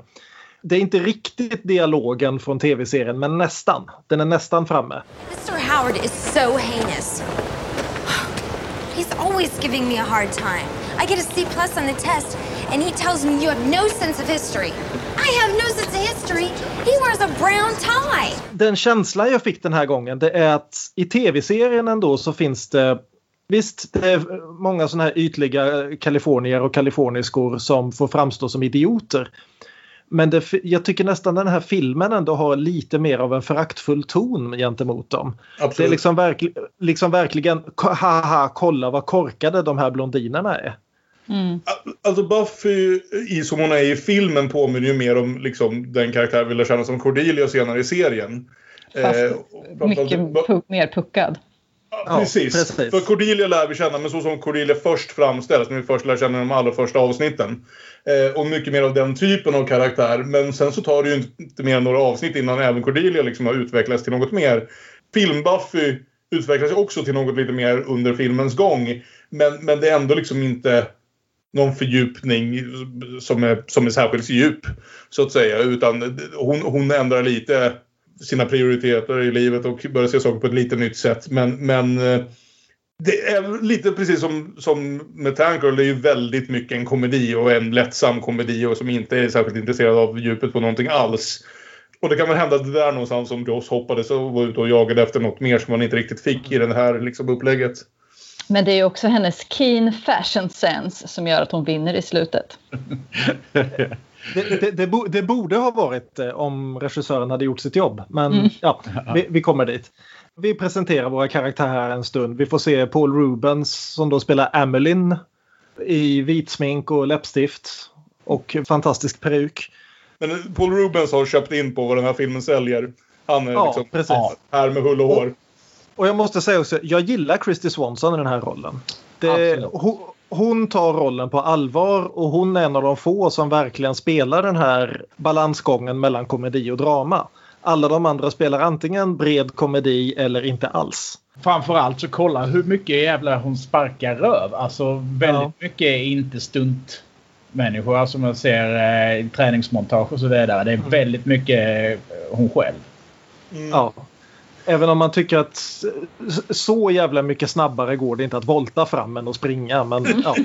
Men det ser, Det ser coolt ut. Ja, exakt. Jag, Ja. jag går fram och tillbaka ungefär varannan gång jag ser den på om jag gillar Christy Swanson eller inte. Jag tycker det finns scener där hon är ganska träig och tråkig och inte riktigt säljer komedibitarna. Och sen finns det andra stunder där jag tycker hon faktiskt funkar ganska bra. Jag tror jag gillar henne mer som Buffy i slutet av filmen. Den lite ändrade Buffy än vad jag Ja. gillar henne i början. Där jag tycker hon är lite lätttradig. Att jag, däremot måste jag säga att jag tycker Luke Perry funkar ganska bra i den här filmen. Nej, jag tycker den karaktären är så himla Okej. tråkig alltså. Ja, men han, har, han har inte mycket att jobba med heller. Nej, vi, vi, har- vi har ju den här scenen då där eh, de träffas, när de sitter på café. Vem är servitrisen här då? Ricky Lake! Ricky Lake. Som kommer in och säljer en varmkorv till Luke Perry och David Arquette. En varmkorv, för det är allt de har råd med. Den ena får korven, den andra får brödet. Men alltså just när de presenteras här, liksom de är ju tänkta att vara killarna från andra sidan järnvägen. Liksom. Det, det är liksom Buffy och hennes kompisar i hela Clueless-gänget. Ja. Överhuvudtaget så är det slående hur mycket 80-tal den här filmen är. Återigen, den är ju från den här perioden som, som jag rantade om i Tjejligan-avsnittet. Innan 90-talet riktigt hade kickat igång. Mm. Ja. Så det är väldigt mycket 80-tal. Så de, de spelar Clueless och så kommer då eh, Arquette och Perry in och ska föreställa att vara liksom arbetarklassen. De ser inte ut som arbetarklassen. De ser ut som de kommer från precis samma high school. Det enda som gör dem arbetarklass är att de är fulla. Och lite skitiga. David Arquette bestämmer sig för att trakassera Buffy lite grann och tar sin korv och går fram. Och vad gör hon? Skär den i två bitar. Off-screen! Ja, men Men alltså okej att det här ska vara PG-13 men får du verkligen inte skära upp en korv? Det, liksom, det känns så symptomatiskt för den här, liksom just Ja. att här har du ett bra skämt Mm. och då klipper du bort från det. Ja, nej, jag håller med. Det är jättekonstigt vissa sådana saker där. Det är ett manus som skulle kunna fungera okej med rätt ton med ungefär hälften av skådisarna som är med på, med på grejen. Den, den är så jävla fram och tillbaka i, i, i om den fungerar eller inte från scen till scen. Just för att den vet, verkar aldrig riktigt veta vad det är för slags film. Så det finns absolut saker som jag uppskattar och som jag tycker är roliga eh, här och där. Men det finns liksom ingen solid stämning i filmen utan det känns som en film i en scen och en helt annan film i nästa scen. Och ibland är den bara förvirrande och ibland är den lätt lång och tråkig och sen ibland helt plötsligt så skiner den till i en scen eller två och blir ganska rolig eller lite häftig liksom. jag tycker det är så vansinnigt roligt när eh, David Arquette-karaktären kommer och hälsar på Luke Perry. Jag, jag tror att det är därför jag gillar Luke Perry. Jag tror det är mest den scenen. Jag tycker han är jävligt rolig i den scenen. Let me in, Pike. I'm hungry. Go home, Ben. I'm hungry. You're floating. Come on, man. Get away from here. I'm hungry. Jag tror den scenen ganska snabbt vänder mig på hans sida i den här filmen. Du, du svävar, gå hem. Ja. Åh, så jävla bra. Han, han har ju då blivit gjord till vampyr och vampyrer kan flyga i filmen därför att de hade filmbudget. Men ja. Mm. Men de hade inte Eh. budget nog att få dem att, att bli eh, till eh, Dust. Nej, men det är faktiskt, det var ju ett val de gjorde till tv-serien. Det här är en sån här Mm. kul detalj. Joss hade ju från början tänkt sig att den här filmen skulle vara full med svordomar och lite naket och sånt där. För att eh, säljas in till tonåringar. Mm. Så när han skrev om den för tv så var han ju tvungen att ta man ner den lite grann. Och en av grejerna som han insåg väldigt fort var att vi kan inte i slutet av varje avsnitt ha en scen där våra tonåringar säger ja, då tar vi och städar bort alla döda kroppar då.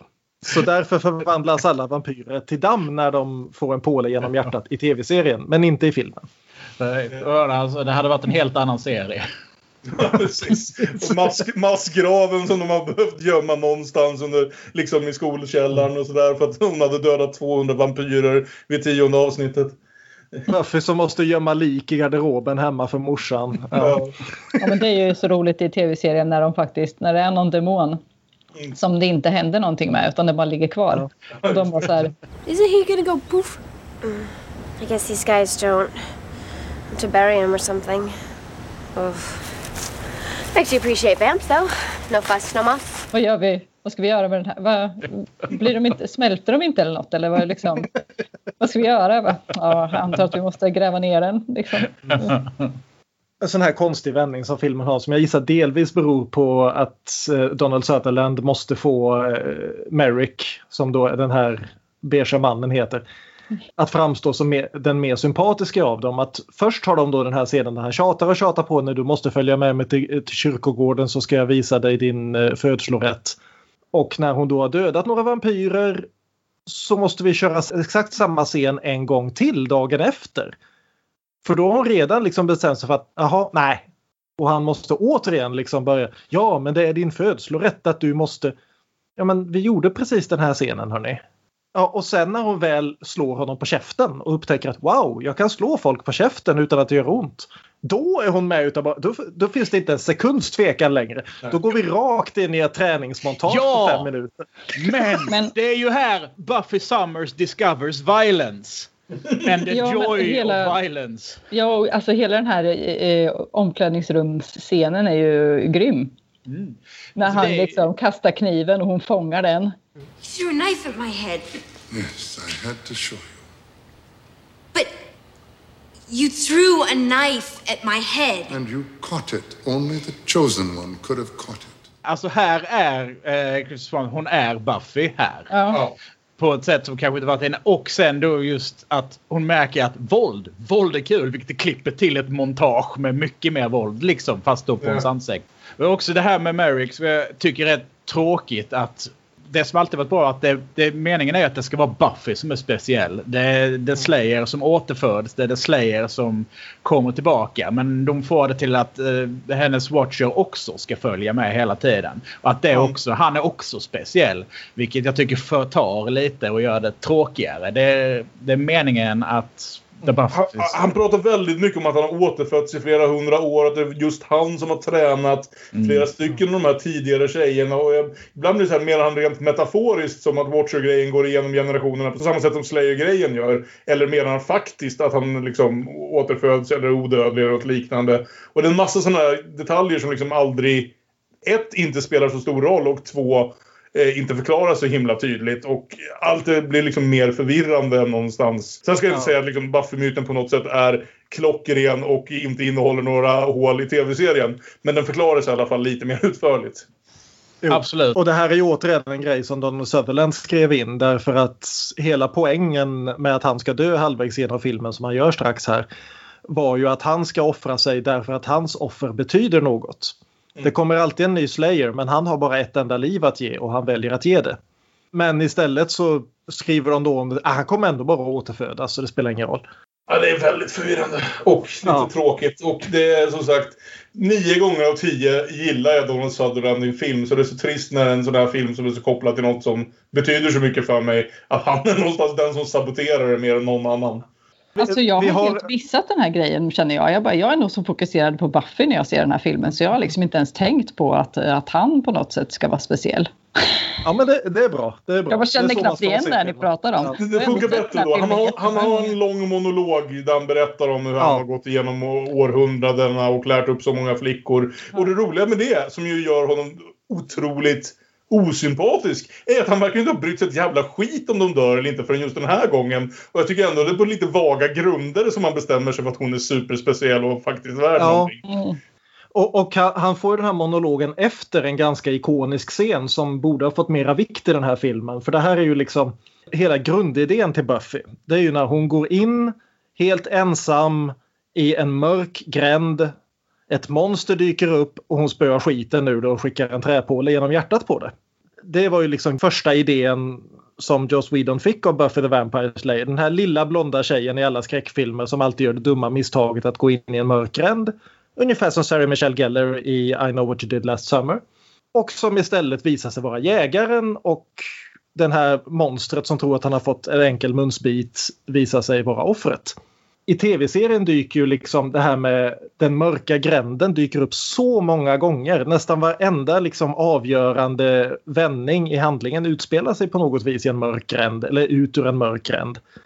Den här mörka vägen mellan två välupplysta vägar där vad som helst kan hända. Och här får det liksom inget, det kunde lika gärna varit på, mitt på en fotbollsplan. Men en grej som jag gillar i filmen som inte är med i tv-serien sen är ju det här att eh, Buffy i filmen får typ som en varning när det är vampyrer i närheten. att hon får ja, menskramp så fort Ja. eh, som vampyrerna närmar sig. precis, det gillar jag. You felt sick, didn't you? You had cramps? Nice conversationalist. Yeah, I felt them a little. But I'm not due for another couple of weeks since you're so hot on the subject. Of course you're not. It was a natural reaction on the part of a slayer, a reaction to their unnaturalness. And you're going to be able to use that to track them. Great. My secret weapon is PMS. Det är på något sätt så här att det här Slayer-grejen är liksom, det, det är i henne. Det finns liksom inget mer naturligt eller eh, gudinneaktigt än livmodern liksom. Livmodern är ju liksom hela existensen på något sätt. Och hennes livmoder är dessutom då kopplad till den här Slayer-grejen. Det gillar jag. Jag gillar också att hon är väldigt sarkastisk om det hela. Bra. Jag vet inte. Jag tror att det hade, svårt, att det hade varit svårt att göra till en grej genom hela serien. Ja, det hade det ju varit såklart. Ja. Men jag gillar ändå den idén liksom. Men också att man i så fall kan liksom som vampyr om man har med sig lite choklad så kan man ändå kanske klara sig. Vi, vi får i alla fall filmens kanske bästa replik här i nästa scen. Eh, Luke Perry, eller Pike som han heter i filmen, Pike isn't a name, it's a fish. han eh, tänker att han ska ge sig ut ur stan därför att hans bästa kompis har blivit vampyr och det finns vampyrer och han är inte med på det. Och blir då attackerad av Paul Rubens som rider på han, taket till hans skåpbil tills han kör rakt in i ett träd och kapar av armen på Paul Rubens. Och Paul Rubens då tittar på honom och fäller den odödliga repliken You ruined my new jacket. Kill him a lot. Det är kanske den repliken och kanske framförallt liksom den replikleveransen som känns mest i ton med serien. Men för övrigt kanske det här någonstans vi också måste nämna hur otroligt oinspirerad vampyr-makeupen är i den här filmen. Eller för övrigt det som får räknas som actionscener och liksom vampyr-action och annat. Makeupen är oinspirerad. Det är ju som vi sa tidigare kanske den barnvänligaste vampyrfilmen jag vet. Det är liksom total brist på blod och faktiskt våld som ser ut att ha någon effekt på någon. Pl- Plus att fighting-scenerna ser ut ungefär som om vi skulle försöka filma Ja. en, en fighting-scen. Det är, liksom, det är inget svung alls i det. Det är jävligt taffligt direkt att de ska göra något slags försök till actionscen. Alltså så är det ju. Ja, men det är Ja. i regel alltid två personer som typ ligger och i princip har en slapfight med varandra. För, för Buffy dyker ju upp här då och räddar Pike. Eh, därför att det är han som är the damsel in distress och det är hon som är hjälten. Vilket, ja, det är rätt snyggt gjort. Eh, och hon eh, stakar då en av vampyrerna med resterna av Pikes gitarr. Vilket också är en sån här grej som kommer att gå igen väldigt mycket i serien. Att Buffy improviserar fram vapen av precis vad som helst. Mm. Det är ju en del grejer som den här snälla rektorn till exempel som vill vara liksom typ kompis eh, istället för vuxen. Finns ju Steven också Root med i är filmen. kanske ändå roligast i den här filmen känner jag, i den här scenen Ja. som ju finns i serien också när han kallar in Buffy till liksom rek rektors kontor för att höra vad fan det är som händer med henne, varför hon agerar så annorlunda, varför hon kommer till sent till skolan Mm. och så vidare och så vidare. Och han är ju en utmärkt komisk skådis. Det har han alltid varit. Ja. Han har bara fått lite mer uppmärksamhet för det på senare år. Don't think of me as Gary Murray, administrator. No, think of me as Gary Murray, party guy. Happening dude who can talk to the young. So tell me, it's, uh, it's drugs, isn't it? Utdelningen av eh, kvarsittningslappar på slutet. Ja, ja, jävla roligt. Detention! Detention! Detention! Detention! Vilket är kanske en mer Schneider-grej, men ändå... mm. Ja, Ja. Men också i första, när man först får träffa honom, när de sitter, det coola gänget sitter på, liksom, ute på skolan. Och rektorn kommer fram och säger typ “First bell people”. Men, men hörni, nu- nu, nu ska vi spela Teen Wolf här. Nu är det basketmatch och som Buffy måste Ja. vara närvarande på eftersom hon är head cheerleader. Och sjunger den bästa cheerleader-låten i världshistorien. How loose is your goose? How funky is your chicken? How funky is your chicken? How funky is your chicken? How loose is your goose? Our goose is totally loose. “How funky is your chicken? How loose is your goose?” mm. Det visar sig att en i laget är vampyr och använder sina vampyrkrafter i spelet. Mm. Vilket domaren blir upprörd över men inte gör någonting åt. Utan han säger åt tränaren att visa ut honom, vilket det är, det är ditt jobb. För övrigt tränaren som har en av de bästa linesen i hela filmen. Eller hur? När han ska peppa. I am a person, I have a right, to the ball. Ja, Ja. så himla bra. Och, och här är ju också, vem är det som tittar en gång på den här vampyren och bara ger honom bollen? Det är ju en liten, liten, liten Ben Affleck. Väldigt slätkindad, annars identisk. Och han har en enda replik som är... Take. Han levererade sin enda replik i sin debutfilm så illa att de var tvungna att dubba honom. Filmen är så jävla koncentrerad i sin ton för den blir så extremt bred komedi här. Återigen, det är nästan man tänker på liksom Wayne's World eller något annat i vissa av de här scenerna. I liksom basketmatchen, i, det är inte riktigt än, men i detention, lapsutlämnandet. Att liksom, ska det här utspelas på, i en värld som är ens närmelsevis vår egen? Eller är vi i fullkomlig liksom, komediland här? Alltså, alltså, sagt, jag, jag tänkte ju på Teen Wolf just under basketmatchen här. Men eh, framförallt så tänker jag väldigt mycket på Gremlins. Det verkar vara den skräckkomedi som eh, gänget bakom filmen har sett överhuvudtaget. Och de lånar väldigt mycket av tonfallet från den fast mycket, mycket sämre. Det är det här, åh vad jättehäftigt, monstren in, invaderar, eh, ja i det här fallet då en skoldans istället för eh, shoppingcenter. Och liksom trakasserar folk och har ihjäl dem och har sig. Och, åh, det är ju kul. Nej, det är inte kul. Nej, det blir inte särskilt roligt. Jag har gjort ett litet försök med så här vampyr-DJn som börjar digga, men... eh, Nej, nej. Nej, det, nej. Ja, ja. Det är bara nej. Hur som helst så förföljer Buffy eh, den här vam- basketvampyren in på vad som ser ut att vara ett lager för tivoli. Mm. Alltså det är, en, det är en massa berg och dalbanor och grejer som bara står där fast ikopplade så att Ja, de rör precis. sig. Men ja, det är väldigt förvirrande. Och springer där ihop då med huvudvampyren Lothos spelad av Rutger Hauer.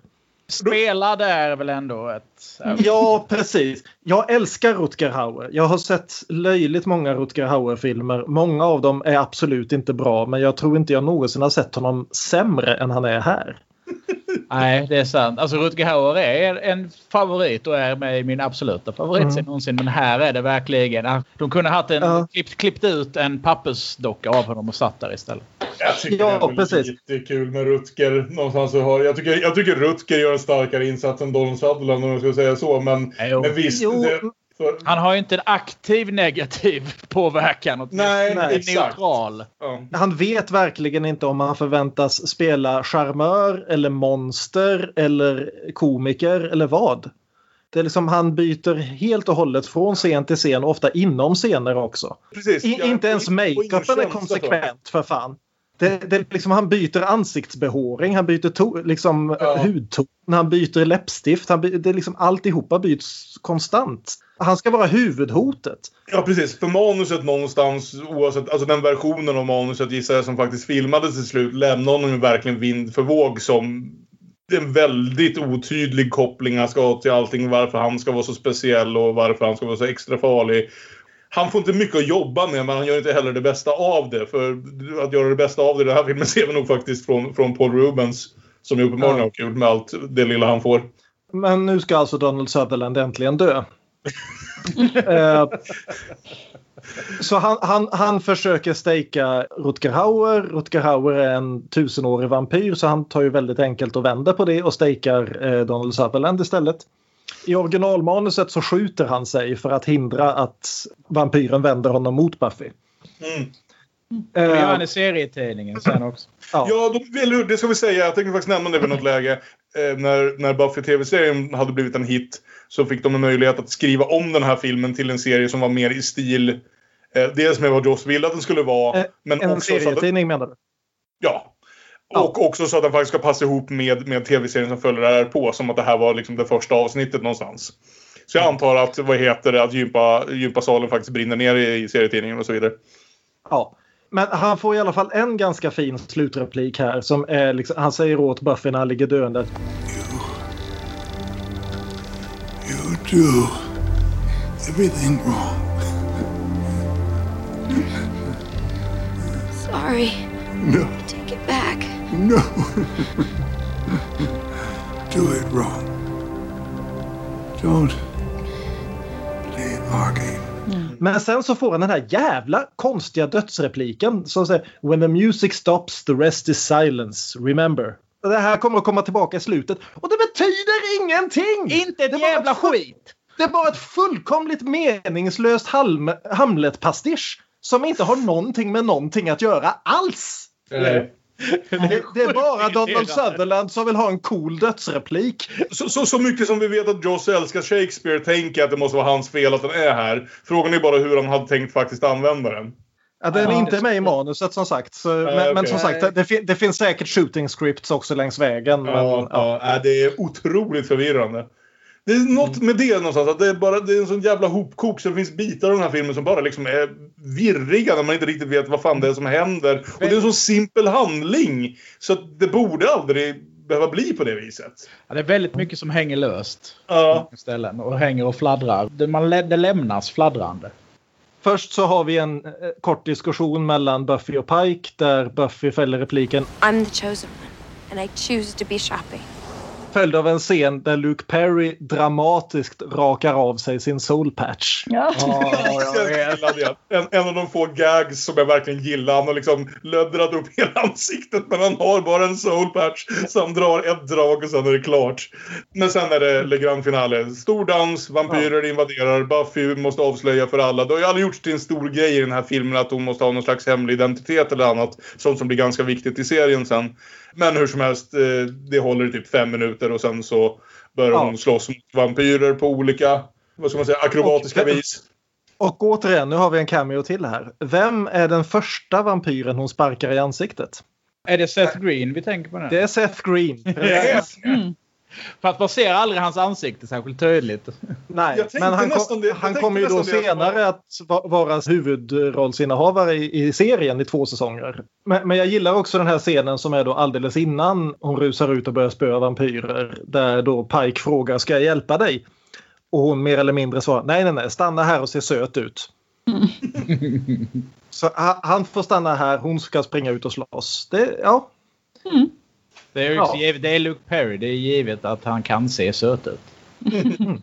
Ja, Luke Perry skulle jag säga, jag på att säga, var kanske ändå var den hetaste stjärnan i filmen vid det här läget. För det är ju ändå två år in i Beverly Hills. Mm. Han var ju förmodligen för liksom den tänkta publiken det som kanske drog flest folk, vilket inte var så många, eh, till bion. till skillnad från Tank Girl så gick i alla fall Buffy över budget. Inte mycket, men lite. Ja. Eh, vi får den här fighten då mellan Buffy och Emmeline spelad av Paul Rubens. Som då är enarmad så att hon har väl ett litet övertag. Och han säger åt henne att We're immortal, Buffy. We can do anything. Oh yeah? Clap. Så jävla bra. Det är ju också så typiskt Buffy tycker jag. Ja, ja, liksom. Varpå hon stejkar honom med linjal och så får han då den här väldigt, väldigt utdragna dödsscenen. Ja, det är så jävla dåligt alltså. Det är det jag säger, att den här filmen vet inte om den är en sketchkomedi eller inte. Det här känns ju som att det är någon som tänker. De har ju suttit packade på något möte och bara skulle det inte vara skitkul om någon av dem bara så här liksom håller på jättelänge och dör och de andra bara ja, fan vad kul. Och sen är det inte det. Jag är rätt säker på att Paul Rubens faktiskt trollar Frank Kuzui här. Det är liksom, han har liksom tänkt om jag drar ut på den här scenen i fem minuter, hur mycket av det kommer hon att behålla i filmen? Är det mer än fem sekunder så är du skyldig mig 200 dollar. Och det vadet vann han. Ja, ja det, är så, det är så... Nej, det, det är för pajigt alltså. Här någonstans också under de här liksom långa slagsmålscenen i gympahallen som någon verkligen ställer sig och stirrar rätt in i kameran som för att få liksom en Jim Halpert-reaktion eh, på allting som pågår. Och det är också superkonstigt för, och visar på hur, hur den här filmen inte alls vet vad den ska hålla för stämning. Men Buffy fightas mot eh, Rutger Hauer och hon får använda sin keen fashion sense genom att sätta eld på honom fast med de specialeffektbudget de har så blir det mer att de liksom lägger in en bild av lågor framför honom. och, sen, och sen i nästa scen så har han inte så mycket som ett ögonbryn bränt heller. Så det, jag vet inte vad poängen med den scenen. Ja. Återigen en riktigt usel fightscen där hon först plockar upp kaliforniska flaggan vilket är rätt häftigt liksom. Det är ju verkligen liksom SoCal mot de gamla myterna. Men nej, den tappar hon efter en stund och så stekar hon honom med, med en liksom slumpmässig träbit från en stol. Kan vi också bara prata om hur jävla pajigt det är att han kommer in med ett katanasvärd? Ja. Herre, alltså ett neckbe. Hade, fedora, hade han haft fedoran på huvudet hade det varit perfekt ärligt talat i det här laget. Uh. Och vi får ju också då callbacken till det här The Rest is Silent därför att strömmen bryts och då tystnar diskomusiken och då, då fattar hon att ja, jag kommer att vinna för musiken har tystnat och det betyder ingenting. Men jag känner det, när, när den här liksom dansen börjar. Oh. Det är då filmen ja, tappar taff, allt. Det är en liksom. tafflig jävla final. Alltså. Ja. Fram Eh. till dansen tycker jag ändå att den funkar liksom. Ja, det Men ligger sen- fan något i. Sen undrar jag vad Ja. fan som hände. Och där slutar ju filmen. Ja. Vi hoppar upp där. Vi får kanske filmens eh, roligaste replik i sluttexterna, vilket är ganska typiskt för den här. Ja, faktiskt. Det är fruktansvärt roligt. They had fangs, they were biting people, they had this look in their eyes, totally cold, animal. I think they were young Republicans. Och de åker iväg. Buffy på något sätt landar väl i Sunnydale. Pike ser vi aldrig mer till. Och eh, allt följdes upp fem år senare av världens bästa tv-serie fortfarande. I alla fall för mig och mitt hjärta som inte ljuger för mig. Jag är så himla tacksam att den här filmen finns för annars hade mitt liv varit jättekonstigt och det är väldigt konstigt att se när man ser den här ganska tveksamma high school-komedin som någon bestämde sig för att göra 1992 på en låg budget och med ett manus som ingen var riktigt nöjd med. Att utan den så hade jag ta mig fan levt ett annat liv idag. Eh, Mm. För jag hade aldrig träffat min fru, jag hade aldrig träffat mina bästa vänner. Allt hade varit så jävla konstigt och annorlunda och vem vet vad. Så jag är extremt tacksam för den här filmen och att den finns. Det betyder inte att jag nödvändigtvis tycker det är en särskilt bra film. Så det är ju fortfarande kul att titta på då och då. Absolut. Eh, Jag uppskattar den mycket mer den här gången för jag var mycket mer beredd att som sagt försöka se den för hur den förmodligen verkade 1992 som en fristående film och inte hela tiden sitta och klaga på men det där det funkar inte alls med hur det är i serien. Nej, men man får ju se dem som helt eh, fristående saker liksom. Absolut. De har ju ingenting med varandra att göra egentligen. Nej. Men det sagt, det är väl vid det här läget någonstans som vi brukar gå varvet runt och fråga vilken av filmerna vi uppskattar mer. Alltså jag, har, jag älskade Tank Girl, men jag älskar ju också Buffy. Fast jag vet inte om... Alltså nu när jag, när jag såg filmen nu, bara för någon dag sedan, så kändes det ju inte riktigt lika mycket i hjärtat som det har gjort Nej. innan. Liksom. Men den är ju ändå väldigt speciell för mig. Ja, men jag tänkte det var typ den första filmen någonsin där det liksom var en tjej som, som slogs. Liksom. Precis. Det, det, det är liksom att föra hela den tanken om tjejen som hjältinnan till en helt ny genre och en helt ny ton. Mm. Så här, det, det fanns ju såklart liksom i andra former och, och så. Men visst, den, det är absolut något eget som får den att sticka ut. Den är bara så jävla tafflig som ett hantverk. Jag blir inte Ja. klok. Men, men jag menar, när jag såg om den igår kväll då så var det, jag skrattade ju högt flera gånger. För jag tycker det Mm. fortfarande finns flera bitar. Några av de här riktigt breda komediögonblicken men också några av de här. Det finns ju liksom frön till det som skulle bli Buffy här och där. Mm. Och jag skrattar inte bara för att de är roliga utan också för att det är liksom, haha, det, det, det, där är det ju, där kommer det ju. Ja. Mm. Där är det någonting på gång nu. Det finns mycket bättre såna här high school-komedier än den här, absolut. Oh, ja. Men jag gillar den ändå för liksom, jag gillade den när den kom och jag gillar den nu. Även om jag erkänner ju villigt att liksom 60-70% av den är skräp. Ja, men den har ändå något.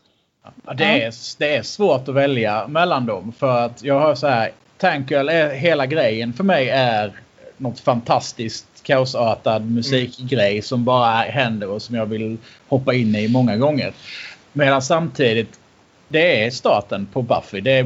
Buff- Buffy som är kanske en av mina favoritkaraktärer genom alla tider, genom alla jävla medier. Liksom. Det är en Men jag tycker inte hon känns som samma. Buffy. Jag, tycker, jag, jag har Hon har dra, delar. Jag har Det svårt finns- att dra en koppling mellan Christy Swansons Buffy och eh, Sarah Michelle Gellers Buffy. Jag tycker de är så totalt olika.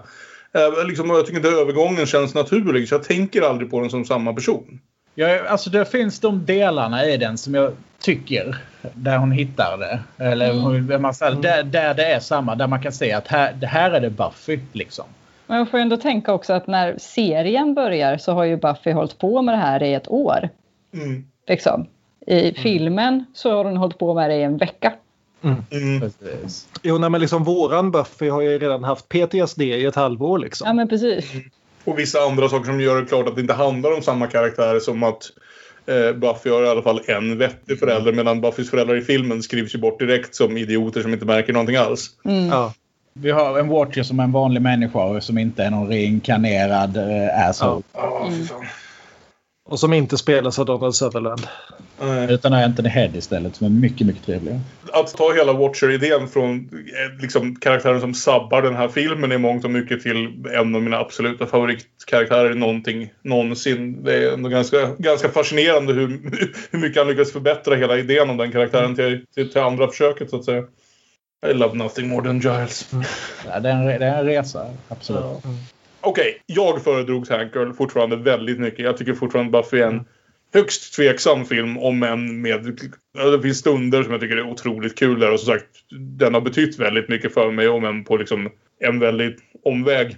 Jo men måste jag välja liksom så, så skulle jag nog välja Tank Girl också. Alltså om, om jag tänker så skulle här. visa en av filmerna för någon nu för tiden liksom. Ja, nej, då skulle jag ju inte visa Buffy liksom. Nej, d- d- då blir det ju Tank Girl alltså. Ja, Jo, det är så här, alltså, så här, om jag skulle sätta mig ner och välja en av dem att titta på nu så skulle jag ju titta på Tank Girl. ja samma här. Ja, absolut. Jag är inte säker på att jag behöver se Buffy-filmen någon mer gång. Förmodligen när ungarna blir stora nog att, att se serien och efter serien kanske jag kan visa dem vart fan den här historien började. Ja, precis. Så Tank Girl liksom jag en framtid tillsammans med från den här punkten.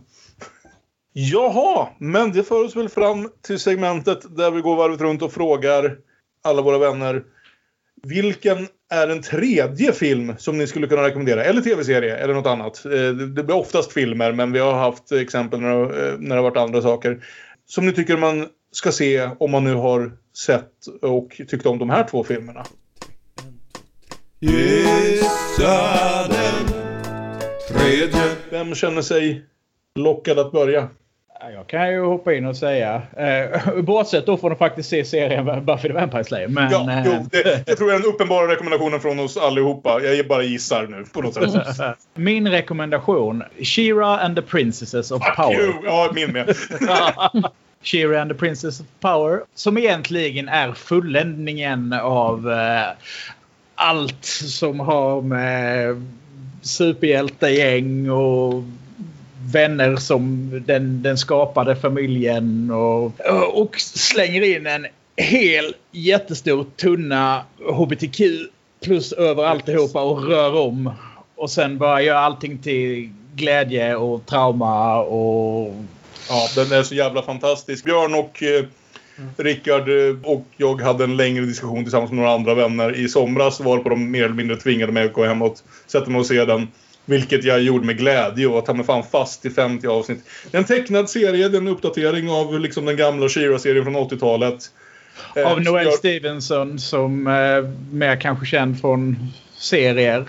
Och eh, som sagt, tar väldigt mycket av det som gör Buffy bra, försätter det i mer av en fantasy sci-fi-värld och slänger på en tunna queer-uppskattning ovanpå det. Jag ska säga också kanske framförallt till Elinor som den här, förutom jag som är förälder, att mina barn älskade den också. Så det var ett väldigt bra intro till, till den här typen av historier. Och som sagt bara att, att, att få in lite, lite queer, för det är så mycket jävla heteronormativt i barn-tv. Den bygger väldigt mycket på Buffy och liknande serier. Men den passar ju naturligtvis på att uppdatera det lite grann för 2020-talet också. Ja. Vilket ärligt talat kan behövas med Buffy i vissa lägen. Så, Absolut. Ja, Det är det, ja. Så det är jättebra.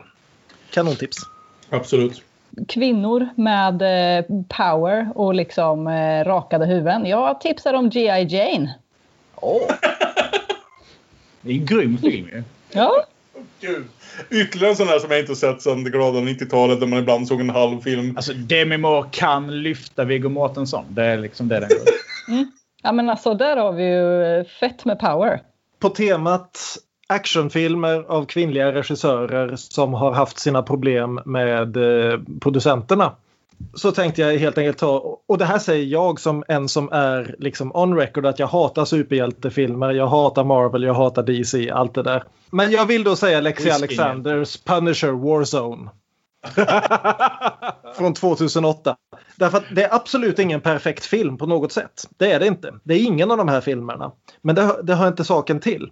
Eh, Det här är alltså en film där Lexi Alexander blev sparkad och återanställd flera gånger under det att hon regisserade filmen. Och de fightades konstant genom hela filmningen och ändå lyckas hon leverera en, eh, en film som är en av de dummaste jävla superhjältefilmer jag vet. Och det är just det som superhjältefilmer saknar idag. De har blivit så inåt helvete jävla... Det liksom arkar åt höger och vänster och alla kan sin niche och alla har liksom moraliska bekymmer hela tiden. Nej, nej, nej. Saker ska explodera, punkt slut. Och det gör de verkligen i Punisher Warzone. Så det är en film som fascinerande bakgrundshistoria men också en, ett slutresultat som blir underhållande rakt igenom. Och aldrig ens försöker vara något väldigt seriöst statement eller någonting. Och det tycker jag om. Också skittråkig. Jag är lite, jag är lite kluven till den. Den har sekvenser som är helt fantastiska. Ja, bär alltid lite emot att, att välja en gissa den tredje som redan nämnts under avsnittets gång bara därför att det känns som att man inte kommer på sin egen idé. Men jag hade faktiskt tänkt det innan. Och jag tänkte ändå, ifall, vet du det, Rickard snor Shira. Eh, så tänkte jag välja eh, Michael Leymans Headers. Som ju är en film som har ungefär samma punk-spirit och liksom är gjord to fuck shit up på samma sätt som Tank Girl. Och som på samma sätt som Buffy tar hela den här high school-komedin som John Hughes gjorde under hela 80-talet och vänder den på huvudet och gör den till något mörkare och roligare och mer anarkistiskt. Och det är bara fortfarande en så jävla kul film. Eh, som också har en riktigt stark eh, kvinnlig huvudroll i Winona Ryder. Och lite Beverly Hills-alumni, precis som Luke Perry är i Buffy, så är ju Shannon Doherty en av the headers i Headers. Och precis som Buffy blev den ju tv-serie också, men det kanske vi ska tala tyst om. Ja, Den, precis. den sjönk verkligen som en sten den serien. Ja, precis, det funkar med den kopplingen också. Att i det fallet, så som det väl är vanligare, var filmen en hit och tv-serien något av en katastrof.